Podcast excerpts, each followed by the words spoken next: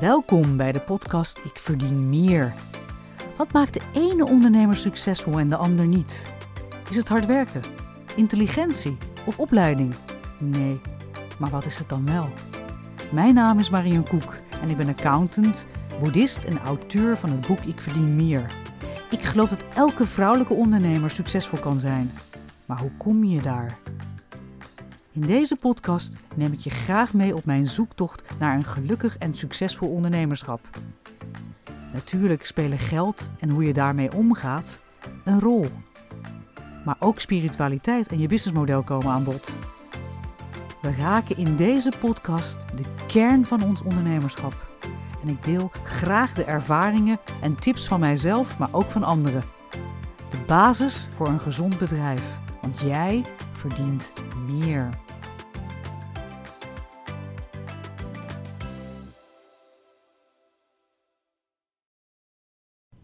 Een nieuwe aflevering en vandaag ben ik in Houten.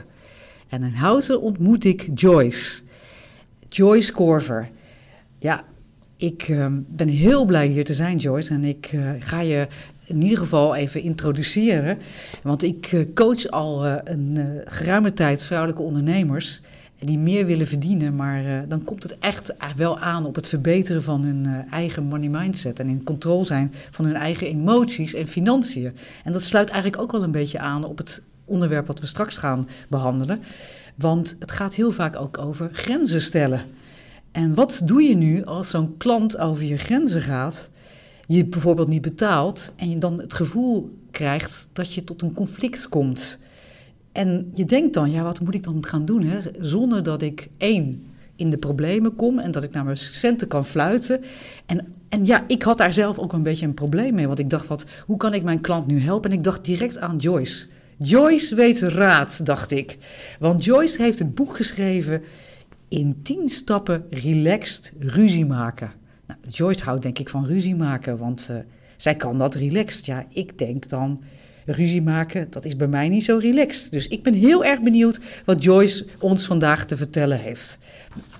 Ik heb uh, uh, Joyce, uh, ken ik al een tijdje, hè, Joyce en ik hebben dezelfde eh, uitgever, expertboek. En ehm, in Joyce's boek stond over Joyce, want ik ga graag iets lezen wat, wat Joyce heeft opgeschreven over haarzelf. Namelijk op de achterkant van haar boek staat: Joyce is registermediator en docent-mediator en ze is gepokt en gemazeld in het conflict. Het is haar missie om conflictbewustzijn te genereren bij leiders, zoals managers, directeuren, bestuurders, HR-professionals, schoolleiders, voorzitters van maatschappen en andere leidinggevenden. En ik denk ook ondernemers. Want die geven natuurlijk ook leiding over zichzelf, maar en over anderen waarschijnlijk. En als sparringspartner en trainer verrast Joyce met haar praktische handvatten en onvergetelijke metaforen. Nou Joyce, je hebt mij nu wel nieuwsgierig gemaakt. Hoe zou jij jezelf omschrijven voor de luisteraars die jou nog niet kennen? Ja, dat is natuurlijk al meteen een, eh, een hele leuke vraag.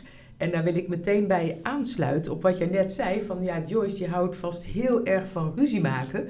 Maar eigenlijk houdt Joyce helemaal niet zo van ruzie maken. En vandaar dat ik het zo graag uh, relaxed zou willen doen. De mens Joyce, die, uh, nou ja, die is inmiddels 59. uh, woont nu al dit jaar 20 jaar in de Betuwe. Dus ja, ik sta wat dat betreft, ben ik iemand die graag met de poten in de klei staat. En eerlijk gezegd, niet zozeer letterlijk, want dan zegt mijn echtgenoot meteen van doe dan eens een keer wat in die tuin. Dus niet letterlijk, maar figuurlijk sta ik graag met de poten in de klei. Ik hou van, ik hou van de praktijk. Ik hou niet zo van wollige, uh, van wolligheid. Ik hou niet zo van plechtige termen. En mijn, uh, mijn wortels liggen in de advocatuur. En daar heb ik ook juist gemerkt dat al die eindeloze stukken die wij daar produceren, die strijd die we daar voeren bij de rechtbank, de pijn die dat mensen doet. Ja, dat is eigenlijk iets waarvan ik op een gegeven moment zelf dacht van, ja, zo zou het leven er toch niet uit moeten zien. Dus ik ben uiteindelijk toen begin jaren negentig een, eh, een aantal advocaten de koppen bij elkaar staken en zeiden van, kunnen we problemen niet gewoon rond de tafel oplossen? toen dacht ik, ja, maar dat is het. Dat is het voor mij. En eh, eigenlijk hou ik er ook van om problemen op te lossen. Dus ik hou niet zozeer van ruzie, maar ik hou ervan om problemen die er zijn op te lossen. En maar dat betekent ook dat je ruzies, conflicten, narigheid niet, uh, niet uit de weg kunt gaan. Ja, en daar, daar hou ik me eigenlijk al heel lang mee bezig, rond dat, uh, rond dat thema. Ja, en ik probeer, want ik weet dat het een heel zwaar onderwerp is, maar ik probeer het vaak een beetje luchtig te houden en een beetje met, uh, ja, en een beetje met humor en inderdaad met uh, metaforen en, uh, en voorbeelden, want dat, dat vind ik leuk. Nou, dat is heel kort over mij, maar lang genoeg denk ik voor nu. Dank je Joyce. Dank je Joyce. We gaan zeker nog even wat dieper natuurlijk in op jouw boek en ook tips die je misschien hebt voor vrouwelijke ondernemers dus die uh, waarschijnlijk of, uh, een, met, de, met conflicten te maken krijgen of obstakels in hun ondernemerschap.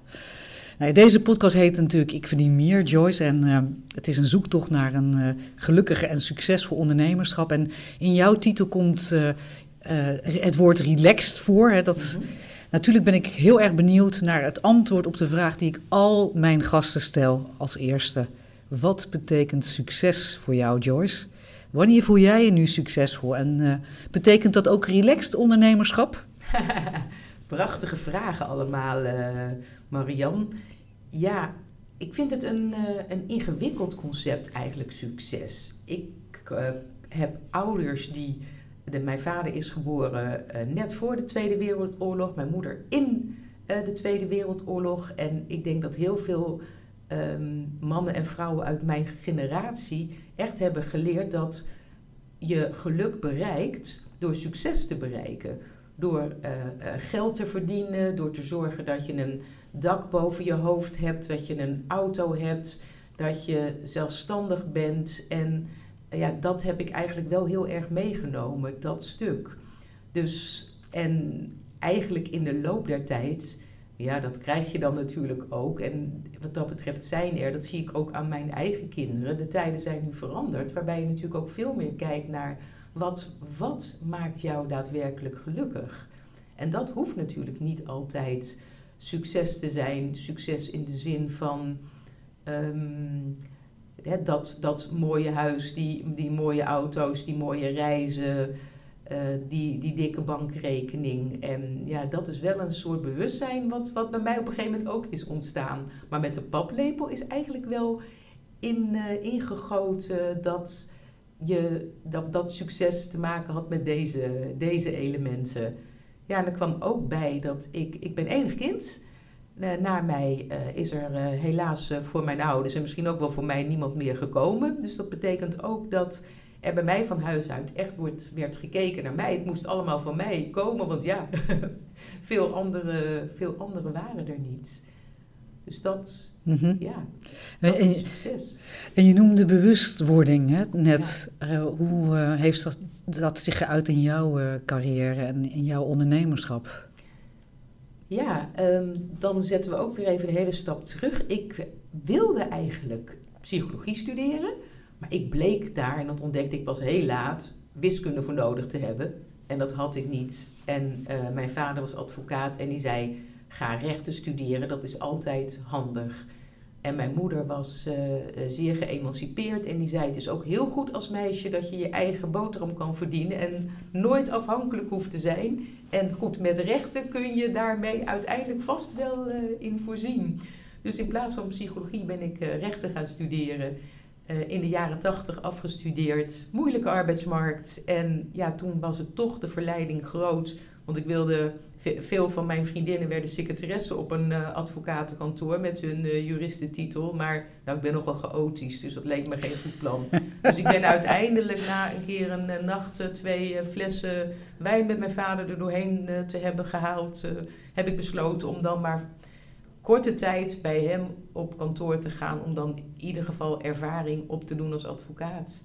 En ja, daar ben ik eigenlijk best lang in blijven hangen. Omdat ik, net wat jij zei, daar eigenlijk wel succesvol in was. En pas echt jaren later merkte ik dat ik niet zo gelukkig was in dat vak. Dus dat ik het wel kon, um, dat er ook wel aspecten waren die ik leuk vond aan het vak. Maar dat had vooral te maken met mijn contact met mensen. Maar een heel groot deel van mijn vak vond ik helemaal niet, uh, niet leuk. Dus dan krijg je op een gegeven moment echt zo'n ja, um, burn-out-achtig, midlife crisis, hoe je dat ook wil noemen. Zo'n moment dat je denkt, ja, hè, je hebt zo'n liedje van, is dit alles? Nou ja, dat gevoel had ik ook. Is dit alles? Is dit het nu? En toen heb ik het roer langzamerhand uh, omgegooid. En hoe, hoe kom, kwam je nou tot dat kentelpunt? Uh, of een kantelpunt moet ik zeggen. Het kenteren wou ik zeggen, maar kantelpunt. Hoe kwam je daartoe? Nou, eigenlijk doordat ik me gewoon ongelukkig ging voelen. Dat ik op ging zien tegen mijn werk. Dat ik echt met grote tegenzin weer uh, mijn toga in de achterbak gooide en weer naar die rechtbank uh, toe moest rijden. Dat, dat, daar ik ondervond ik steeds meer druk. Ja, en dan is het uh, het moment daar om voor jezelf op een gegeven moment alles eens even heel goed op een rijtje te zetten. En toen dacht ik dus, ik heb helemaal geen zin in die strijd. Ik hou er helemaal niet van. Ik hou niet van het polariseren wil gewoon graag dat mensen in alle rust hun problemen kunnen oplossen. En dat lukt niet op deze manier. Dus toen heb ik op een gegeven moment gaandeweg steeds minder procedures aangenomen, steeds meer geprobeerd om via mediations en trainingen um, mijn brood uh, te verdienen. En ja, daar heb ik nog nooit een moment spijt van gehad. Mooi, mooi, mooi. en ik. Um, je noemde het net ook al, hè? geld. Hè? Het wordt vaak gezien als een maatstaf voor mm succes. Hè? Maar wat, hoe is jouw relatie met geld? Ja, ik, ik kom eigenlijk uit een nest waar, waar er eigenlijk altijd wel geld voldoende was. En niet zozeer uh, vreselijk rijk, maar gewoon voldoende. Dus ik heb, ik heb eigenlijk nooit financiële problemen gekend. Dus ik heb een vrij relaxte relatie tot geld, denk ik. Mooi. Ja, dus eigenlijk zeg je van uh, wat, wat, wat je al van, van kinds af aan hebt geleerd en hebt gezien, dat heeft jou positief eigenlijk bijgedragen tot je relatie met geld. Ja. Ja, mooi is dat. Ja, jij beschrijft dat in je boek natuurlijk anders. Ja, hè? ik beschrijf het in mijn boek anders. Ik, uh, mijn achtergrond is, is anders en dat draag ik natuurlijk mee. Ja. Uh, maar het is fijn als je natuurlijk ook gewoon een positieve achtergrond hebt, want dan is dat natuurlijk een positieve relatie met geld. En, uh, maar wat is, wat is voor jou genoeg? Hè? Als, je, als je het kijkt naar geld en spullen en uh, passie of missie, mm-hmm. wat, wat is belangrijk voor je? Ja, dat is, dat is echt een, uh, een mooi inzicht dat ik kreeg toen ik dus nog volop in de advocatuur werkzaam was. Nou, daar hangt best een interessant financieel plaatje aan, daar zul je me niet over horen klagen. Maar omdat ik het op een gegeven moment niet leuk vond, moest ik mezelf ook steeds belonen. Dus iedere keer als ik naar de rechtbank geweest was, na een zitting, ging ik daarna shoppen. En dat lukt wel goed in, uh, in de Theresiastraat in, in Den Haag. En uh, ja, na een lange werkdag vond ik dat we echt uit eten moesten. En dat ik daar ook echt een goed glas wijn bij verdiende. En dat ik mooie, dure vakanties nodig had. Dus dat, dat stuk, um, ja, daar merkte ik op een gegeven moment dat het moment dat je dingen doet die je leuk vindt. En je werk je echt bevredigen. Ja, dat het allemaal niet meer zo nodig ah. is. Dus wat dat betreft scheelt dat dan. Dat is ook een leuk inzicht. Ja, zeker mooi inzicht, zeker. En in hoeverre is succes voor jou gelijk aan geluk en een relaxed leven? Ja, in de loop der tijd heb ik dus ontdekt dat uh, succes daar eigenlijk iets minder belangrijk in is als ik altijd dacht. Uh, aan de andere kant is het nog steeds wel zo dat ik de dingen die ik doe wel graag goed wil doen. Dus um, uh, falen vind ik nog steeds heel erg vervelend. Hè? Net als ik vroeger nooit een procedure wilde verliezen, vind ik het nu ook altijd heel vervelend als ik bijvoorbeeld een training geef. En doe ik vaak training over uh, relaxed ruzie maken.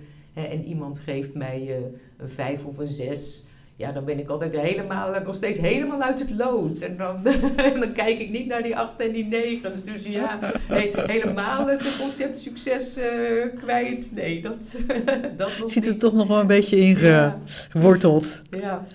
En jij, jij hebt het boek in 10 stappen relaxed ruzie maken geschreven en ik heb het gelezen. En wat was je aanleiding om dit te doen? Uh, het, mijn vraag was natuurlijk van hou je van ruzie maken, maar dat zei je al. maar wat was de aanleiding om dit te doen? Nou, sowieso wilde ik al een hele tijd uh, uh, het een en ander publiceren rond het onderwerp conflict. En ik heb echt, uh, ik heb schriften volgeschreven, ik heb een computer volgeschreven met allerlei dingen die ik rond dat thema bedacht.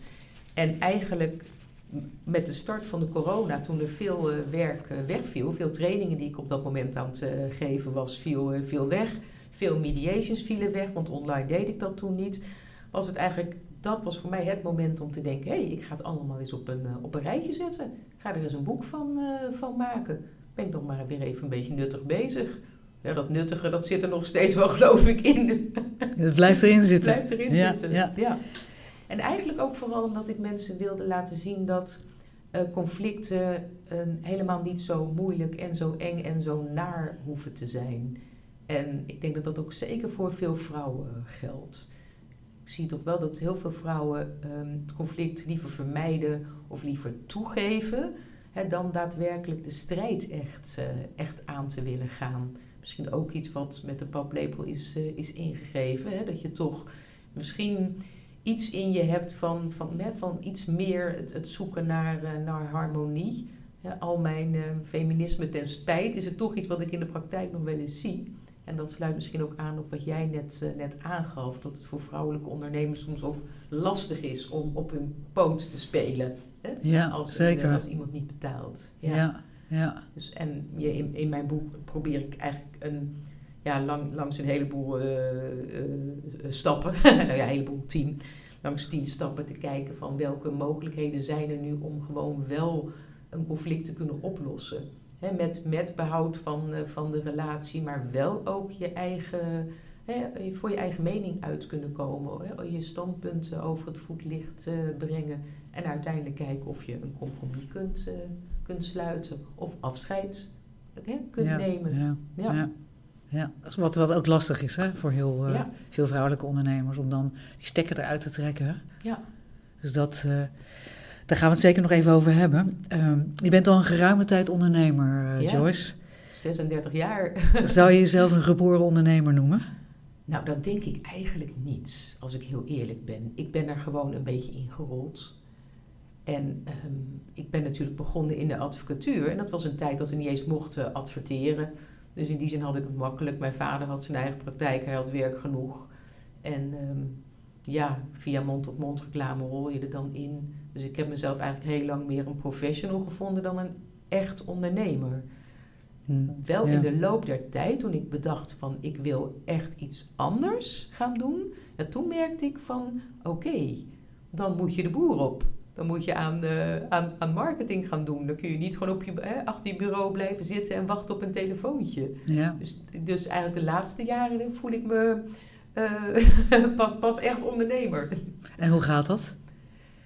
Nou, ik vond dat wel een beetje uit mijn comfortzone ja. stappen. Want er is niks zo makkelijk, en dat heeft me ook nog lang binnen de advocatuur gehouden, denk ik. Er is niks zo makkelijk als gewoon de, de luxe te hebben dat mensen jou bellen en jou nodig hebben. Ja. Dat is toch iets anders dan wanneer je natuurlijk zegt, nou ja, je moet posten op LinkedIn, je moet misschien je, moet je laten zien, je moet naar netwerkbijeenkomsten.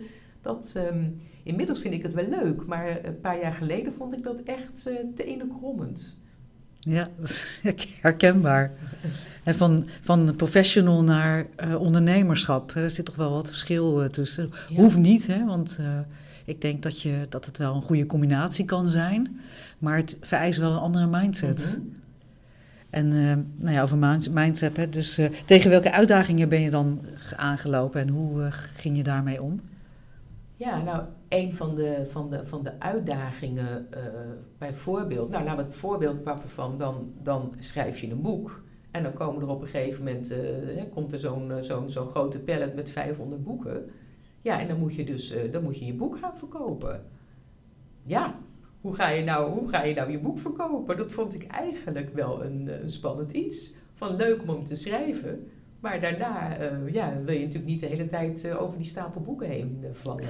Dus het, het, feit dat je dan zegt van oké okay, mensen, ik heb hier een boek, wie wil mijn boek kopen? Vond ik, vond ik spannend.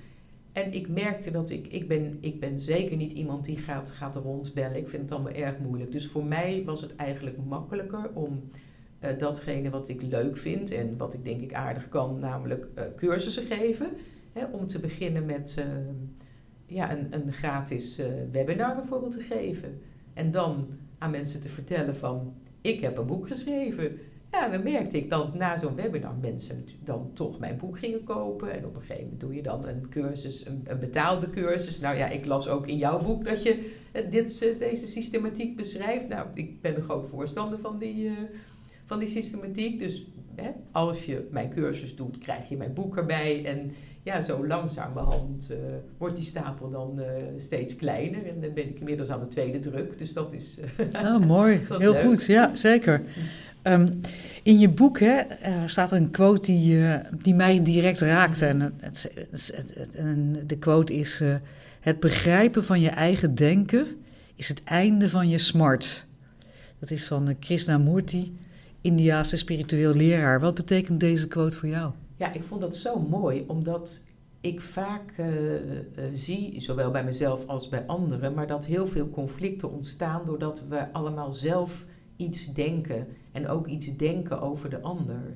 En het moment dat je gaat nadenken over je eigen denken, ja, ontstaat er veel meer ruimte. Nou ja, ik zeg het nu misschien een beetje, beetje cryptisch, terwijl ik zo roep van ik sta met mijn poot in de klei, dus ik zal kijken of ik een voorbeeld kan geven. Um, maar als jij bijvoorbeeld de uh, gedachte hebt, nou laten we zeggen dat je de gedachte hebt dat je helemaal niets waard bent. En je, je krijgt een conflict met iemand en diegene zegt, jij moet, het is zus en zo en jij moet het zo en zo doen. Terwijl jij denkt, ja, ik, ik denk eigenlijk dat, het, dat mijn manier beter is. Maar ja, ik ben niks waard. Ik, ik zeg maar niks, ik hou mijn mond maar dicht. Ja, dan, dan ontstaat die smart, dan ontstaat dat lijden, dan ontstaat dat verdriet, want dan kom je niet uit voor, jou, voor jouw mening. En ja, dat vond, vind ik eigenlijk een van, ja, van, van de spijtige dingen. Terwijl als je daar hè, relaxed mee om kunt gaan, dan kun je zeggen van, nou ik zou het wel eigenlijk wel heel aardig vinden om ook te vertellen van wat ik hierover denk. En um, nou ja, hetzelfde geldt natuurlijk voor een heleboel denkfouten die we maken.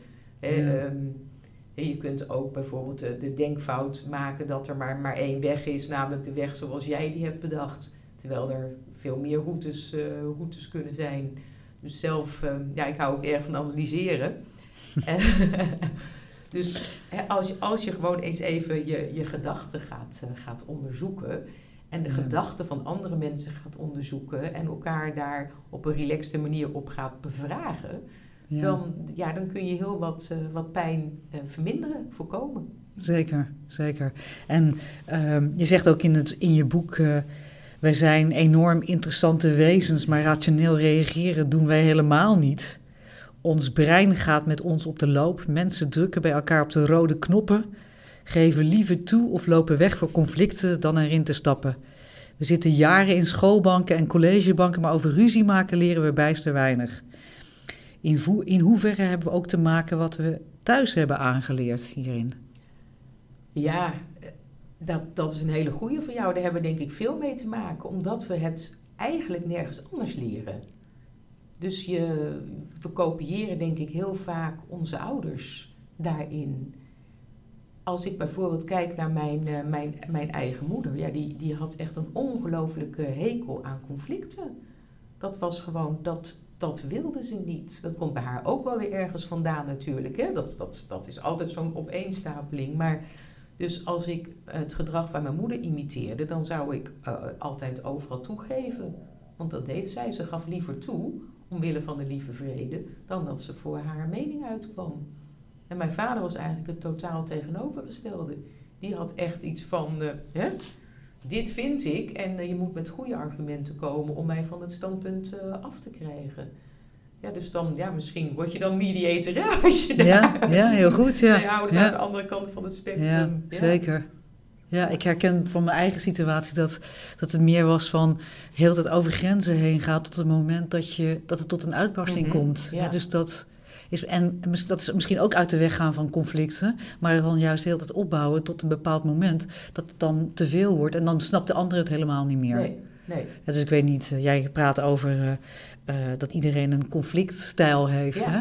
En uh, in je boek geef je, maak je metaforen naar dieren. Dus dan ben ik heel benieuwd welk dier ik dan zal zijn. Ja. Kan je daar ook iets meer over vertellen? Ja, nou dat vind ik namelijk heel interessant. hè? Want misschien ben ik wel de haas. Ja, nou, dat, is, dat, is, dat is natuurlijk altijd een leuk. Ik zal eerst vertellen welke vijf er zijn. Hè? Dan kunnen we kijken goed. welke bij jou het beste past. Ja. Nou, als we de, de, als we het onderscheid, tenminste als eerste moeten we eigenlijk altijd even het onderscheid maken van ben je bij een conflict iemand die dan vooral kijkt naar hou, de relatie goed houden Of ben je iemand die bij conflicten denkt van nee, ik wil mijn doel bereiken. Hè, en dat, daar zit eigenlijk al de eerste, het eerste belangrijke verschil. Hè, pak ik mijn eigen vader, die wilde echt een doel bereiken. Dus dat het dan misschien even niet zo gezellig was, dat was voor hem helemaal geen, eh, geen item. Dus de doelgerichte conflictstijlen, dat is uh, primair de, ja, wat ik dan noem, de gorilla. De gorilla die staat bekend om zijn duidelijkheid en zijn daadkracht. Maar die dendert ook nog wel eens een keertje over, uh, over mensen heen. Omdat hij vooral naar het doel kijkt. Hij of zij, hè? Ook, zijn ook echt vrouwelijke gorilla's. En aan de andere kant heb je dan de teddybeer. En de teddybeer die is altijd maar bezig om de relatie goed te houden. Dus die geeft heel vaak maar toe omwille van de lieve vrede.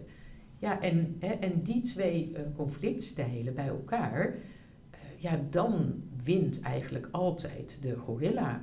En dan zie je, dat is precies wat jij aangeeft. Ik zeg ook altijd, iedereen houdt van teddyberen in zijn team.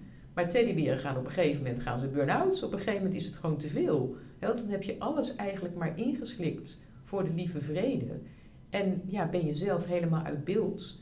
En er komt een moment, ik beschrijf dat in mijn boek altijd als de drie rode knoppen. We willen allemaal worden gezien, gehoord en gewaardeerd. En op een gegeven moment dan ervaart die teddybeer van voel me helemaal niet gezien, ik voel me niet gehoord en ik voel me niet gewaardeerd. Ja, en dan kan ook een teddybeer uit zijn plaats, uh, over haar plaats, gaan. gaan. Ja. ja. Nou, dan hebben we verder de haas. Uh, de haas die houdt ook helemaal niet van conflicten, uh, maar die, gaat, die geeft liever niet toe. Dus die gaat dan gewoon uit contact. Dus een haas die, uh, die kan goed analyseren wat er allemaal gebeurt. Een haas laat zich nooit zomaar in een conflict uh, trekken. Dus dat, dat is de positieve kant. Maar de negatieve kant is dat als het uh, te heet onder de voeten wordt, ja, dan vlucht hij weg. Dan heeft hij het er niet meer over. En dan hoopt hij dat het vanzelf overgaat. overgaat. Ja. Oh, ja, ja, ja. Nou, dan hebben we nog um, de vos. Dat noem ik altijd de grote strateeg. Primair is die doelgericht, de vos. Um, en die gaat ook nooit een gesprek in zonder een strategie. dat is echt de, de kracht uh, van de vos.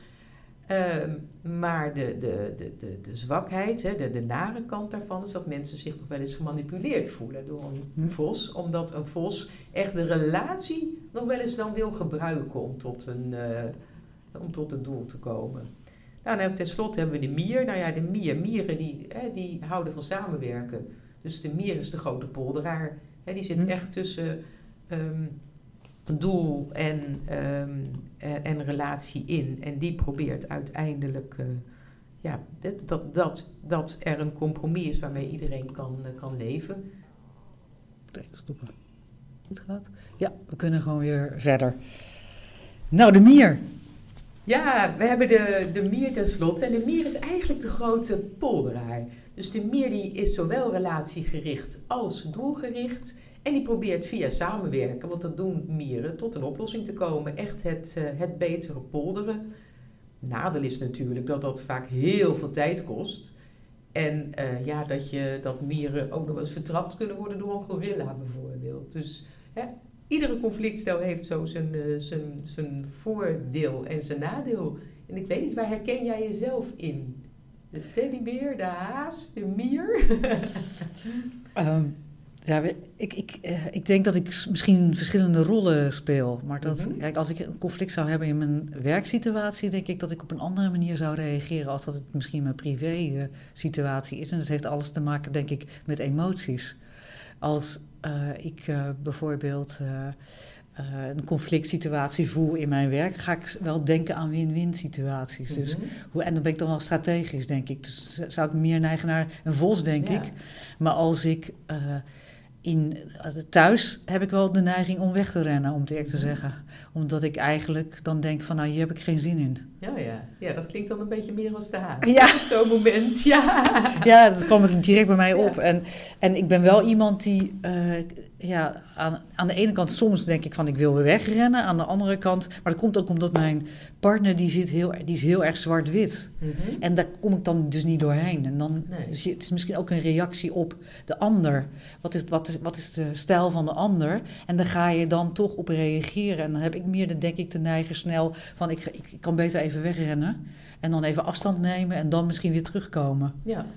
Maar aan de andere kant kan ook een gorilla zijn. Dus kan het zijn dat je, dat je verschillende stijlen hebt, maar dat het, het in verschillende situaties? Ja, nee, dat, dat klopt helemaal. We zijn natuurlijk nooit één stijl. Hè? Als, uh, als, als mensen mijn boek kopen en mijn trainingen doen, dan maken we altijd een conflictstijlanalyse. En dan zie je eigenlijk in zo'n, in zo'n taart met, met taartpunten, zie je van wat, wat is jouw voorkeurstijl? Dus het kan bijvoorbeeld zijn dat je uh, 30% uh, gorilla bent en, en, en 20% haas en hè, nog eens een keertje 20% uh, de mier. Oh, en dat ja. betekent eigenlijk dat je ook gewoon kunt schakelen tussen die verschillende stijlen, zoals jij terecht zegt. Hè, is het ook afhankelijk natuurlijk van de context. En eigenlijk zeg ik ook van als je relaxed kunt ruzie maken, dan betekent het dat je ook je eigen conflictstijl aanpast aan de hand van het conflict, aan de hand van het belang en aan de hand van je gesprekspartner. Ah, mooi. En, Prachtig. dan, als je dat dan bij jezelf uh, beseft, als jij het beseft van hé, hey, hey, hier, hier wordt de, de haas in mij getriggerd, maar eigenlijk wil ik dat niet, eigenlijk wil ik hier liever een mier zijn. En ja, dan betekent het dat je jezelf eventjes uh, bij je kladden moet pakken en niet moet weglopen, maar moet zeggen van ik wil dit probleem via samenwerken oplossen. Laten we eens gaan kijken van wat is jouw belang, wat is mijn belang. Hebben we ook gezamenlijk een belang. En op die manier kun je, ja, kun je uit conflicten sturen. Dus ik even nu even heel kort door de bocht, maar dat is een beetje het systeem. En dat kan je leren, zeg je eigenlijk. Ja, dat kun je leren. Zo'n conflictstijl die je kan toepassen in, in elke situatie. Misschien dat je dan moet kiezen, een soort van chameleon. Van uh, nou ja, welke conflictstijl kies ik in welke situatie. En, en natuurlijk ook met welke persoon. Ja, klopt. Um, je gaf eigenlijk aan de drie dingen die ik, die ik eigenlijk ook heel erg herken. De, dat we allemaal diep van binnen dezelfde verlangens hebben. Ja. Hè? Nou ja, word ik gezien? Uh, word ik gehoord? En word ik gewaardeerd? Uh, ik herken dat heel erg, want ik, uh, de, die klant die over die grenzen gaat, hè, mm-hmm. die, dus, dus, die dus eigenlijk de, haar klant over haar grenzen laat gaan, daar speelt eigenlijk dit, dit, deze drie punten heel erg. Hè? Nou ja, die klant die luistert niet, die ziet het niet, die uh, geeft eigenlijk geen waardering, want die zegt eigenlijk van... Uh, uh, ja, ik betaal jou niet. Jij hebt wel diensten geleverd, maar ik, uh, ik uh, betaal jou niet voor jouw diensten. En als dat een heel jaar gebeurt, wat dat hier gebeurt, en wat ga je dan doen hè, als, als je zo in zo'n situatie komt? Maar het komt echt op deze drie dingen aan. Hè, van de klant voelt echt van, nou, ik word niet gewaardeerd, mm-hmm. ik word niet gerespecteerd. Ja, wat ga ik dan met deze klant doen? Nou, dus dat. en wat, wat zou jij um, als. als uh, nou ja, mijn klant bij jou zou aankloppen, hoe zou jij haar kunnen helpen dan om, om dit conflict te hanteren? Nou, het eerste wat dan natuurlijk leuk is, uh, nou ja, leuk is misschien in het kader niet het goede woord, maar nuttig, om te kijken van heeft ze enig idee wat de conflictstijl van haar klant is? En heeft ze enig idee van wat haar eigen conflictstijl is? Als je zelf natuurlijk heel erg een, hè, het gedrag van een teddybeer hebt bij conflicten, dan zal het voor haar nogal lastig zijn om die klant aan te spreken. En ja, dan moeten we goed gaan oefenen van hoe kun je een andere conflictstijl aannemen? Welke vragen kun je stellen? Welke acties kun je doen? En dat betekent, dat zal een stukje betekenen uit de comfortzone. Uh, want ja, neem aan dat ze niet wil toegeven. Ik neem aan dat ze graag uiteindelijk haar rekening betaald wil krijgen. En aan de andere kant kan het natuurlijk zijn dat die klant ook ergens heel erg ontevreden over is. En dan is het belangrijk om ja, een goed gesprek aan te gaan en echt um, ja, hè, relaxed te gaan zitten, als het enigszins kan. En nou, laten we een beetje zeggen als de mier, gewoon samen te verkennen van ja, waar zit jij nu allemaal mee? Wat zijn jouw problemen? Wat zijn jouw teleurstellingen? Wat waren jouw verwachtingen? En ik merk, maar dat is natuurlijk vaak in mijn rol van mediator, als we het daar gewoon even over gaan hebben, als we even uit het conflict stappen en onder de ijsberg duiken van wat, wat speelt er allemaal mee, dat je dan wel vaak ziet dat je een compromis kan sluiten. En ja, dat zal misschien betekenen voor, voor jouw klant dat ze wat water in de wijn moet doen en met een minder bedrag genoeg moet nemen. En maar het kan ook zijn dat de klant ergens teleurgesteld in is geweest en zegt, nou ja, maar als, als ik nog dat en dat zou kunnen krijgen of als dat en dat verbeterd kan worden, dat het opgelost uh, wordt. ja, eigenlijk staat, staat en valt alles met het goede gesprek. En, ja, en waarom hebben we dat goede, goede gesprek nou vaak niet? Nou ja, precies door die rode knoppen. Want als je je niet gezien uh, voelt, of niet gehoord, of niet gewaardeerd, en soms alle drie niet, ja, dan schiet je in wat ik de conflictstress noem. En als je dus, als mensen flink op die rode knoppen drukken, ja, dan zit je eigenlijk niet meer zo in je rationele brein.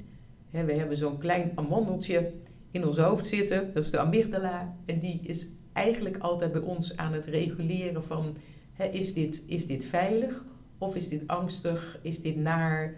En als die tot de conclusie komt dat het angstig naar is, mhm. ja, dan gaan we vechten, vechten, vluchten of bevriezen. En als we gaan vechten, vluchten of bevriezen, dan zijn we eigenlijk niet meer tot een goed gesprek in staat. En dat is vaak wat ik zie. soms zie ik dat de een vecht, de ander vlucht. En mensen bereiken elkaar niet. De hele verbinding is weg. En eigenlijk moet je dan eerst jezelf en de ander tot, tot, weer tot rust krijgen. die, eh, die amygdala, die poortwachter weer zeggen rustig maar, ga maar zitten, ga maar een boekje lezen. En dan kunnen we gaan verkennen van wat, wat speelt er nou eigenlijk allemaal precies? Wat is er eigenlijk aan de hand? Waar zit jij mee? Waar zit ik mee? En dan, dan kom je er eigenlijk wel. Ja, dat is mooi. Ja. ja. Ik herken het ook heel erg. Het is een mindset, hè? Het is een mindset, ja. Het is een mindset, want dat uh, niet gerespecteerd voelen, dat, is ook, dat kan ook een mindset zijn, bijvoorbeeld ten aanzien van geld. Hè? Ja. Je namelijk niet uh, goed genoeg voelen. Mm -hmm. Of dat uh, mensen jou niet gaan betalen voor de waarde die je geeft. Ja. dus het is vaak een combinatie van. Hè? Daarom is het onderwerp eigenlijk zo mooi. Dat past heel erg goed bij money mindset ook. Hè? Want er zitten heel veel raakvlakken in. Nou ja, wat hebben we geleerd? En wat hebben we gezien in onze jeugd? Hè? Dat kan ook heel vaak de conflictstijl zijn die we hebben aangemeten.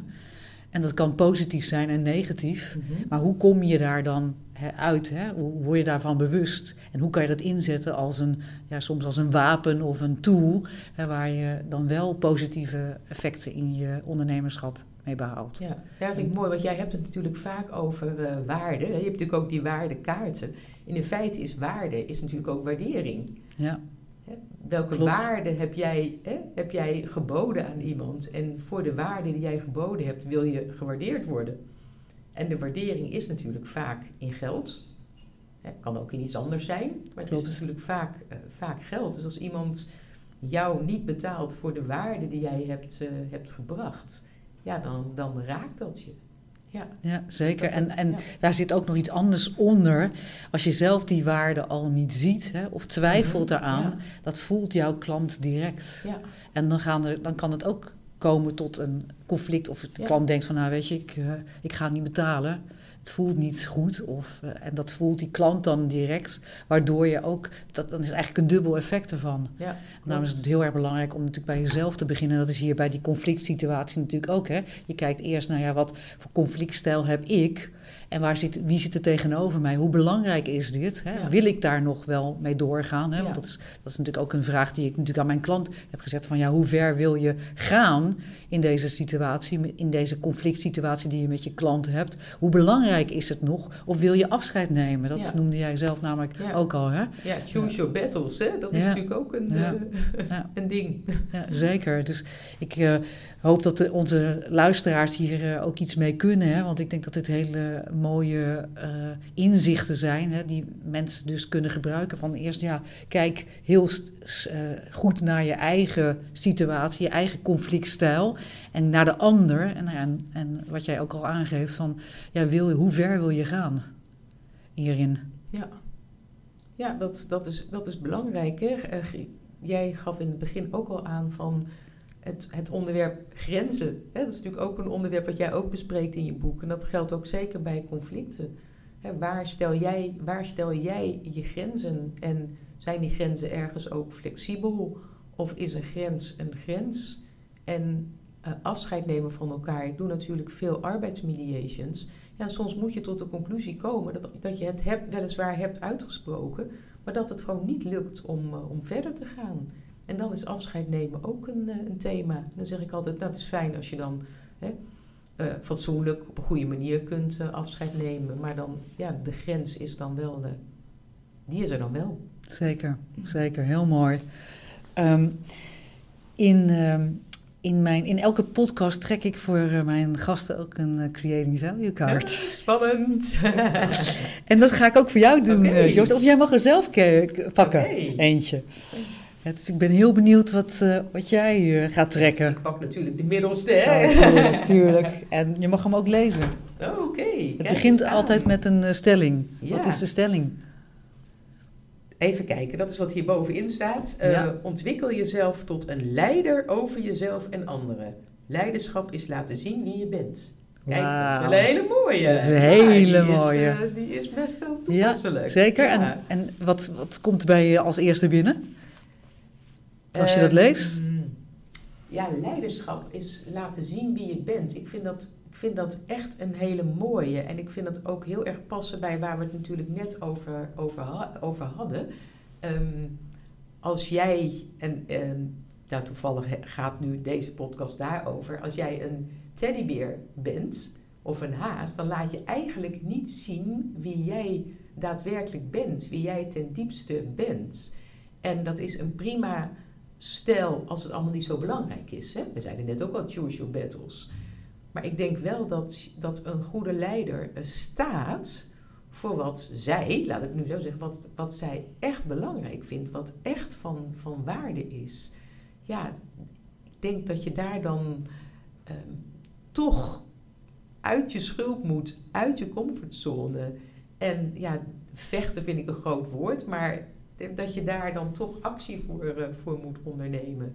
Ja, zeker. En dan niet over grenzen, niet over echt belangrijke grenzen moet laten gaan. En, en daarbij kan jij helpen, neem ik aan. Ja, dat is natuurlijk wat ik het liefste doe. Ik vind het echt mooi om, eh, om, om mensen te, te helpen om voortaan zelf dat leiderschap eh, in conflicten te kunnen nemen. Ja. En hoe kan je onze luisteraars helpen? Ehm, nou ja, ten eerste kun je natuurlijk eh, mijn boek kopen. Bij mijn boek eh, krijg je dan ook een vragenlijst, zodat je die, eh, die conflictstelanalyse van mij krijgt. Dus dat, dan heb je al heel wat meer, wat meer helderheid. En verder geef ik trainingen natuurlijk rond dat, rond dat onderwerp. Trainingen relaxed ruzie maken, online, live, eigenlijk aan, ja, aan allerlei soorten leiders, maar ook aan, ja, net wat jij zegt, het zelfleiderschap, hè, ook aan mensen zelf. Ik geef met een eh, collega trainingen aan, eh, aan schoolleiders en aan eh intern begeleiders. En met een andere collega geef ik gewoon in zijn algemeenheid trainingen over hoe maak je nu relaxed ruzie. Ja, en verder heb ik ook veel mensen die bij mij komen en die zeggen van... ehm, ik wil geen gorilla meer zijn. Of hoe kan ik af en toe eens een vos worden? En dan praten we eigenlijk meer over persoonlijke coaching. Ja, natuurlijk Ah, ben dat ik doe je en- ook. En, ja, en natuurlijk ben ik ook primair, is mijn vak eh, mediator. En probeer ik mensen die in conflict zijn, gewoon als ehm, ja, gespreksleider, gespreksbegeleider, eh, weer on speaking terms eh, te krijgen. En een- soms inderdaad betekent die speaking terms ook afscheid. Ja. Wat, wat een mooie missie. Ja. En als je nog even de verder de kaart pakt en de vragen Ja. leest, want die zijn misschien ook nog wel op jezelf van toepassing. Oh ja. Wat is jouw persoonlijk leiderschapsmotto? Oh, wat een mooie vraag. Daar, eh, daar zou ik wel eens even over na moeten denken. Hè? Wat is mijn persoonlijk leiderschapsmotto? ja, ik zeg eigenlijk altijd: ehm, eh, alles stroomt en niets blijft hetzelfde. En dat betekent ook dat je als eh, leider flink wat flexibiliteit moet hebben. Omdat je in mijn optiek altijd dingen moet zien in hun context.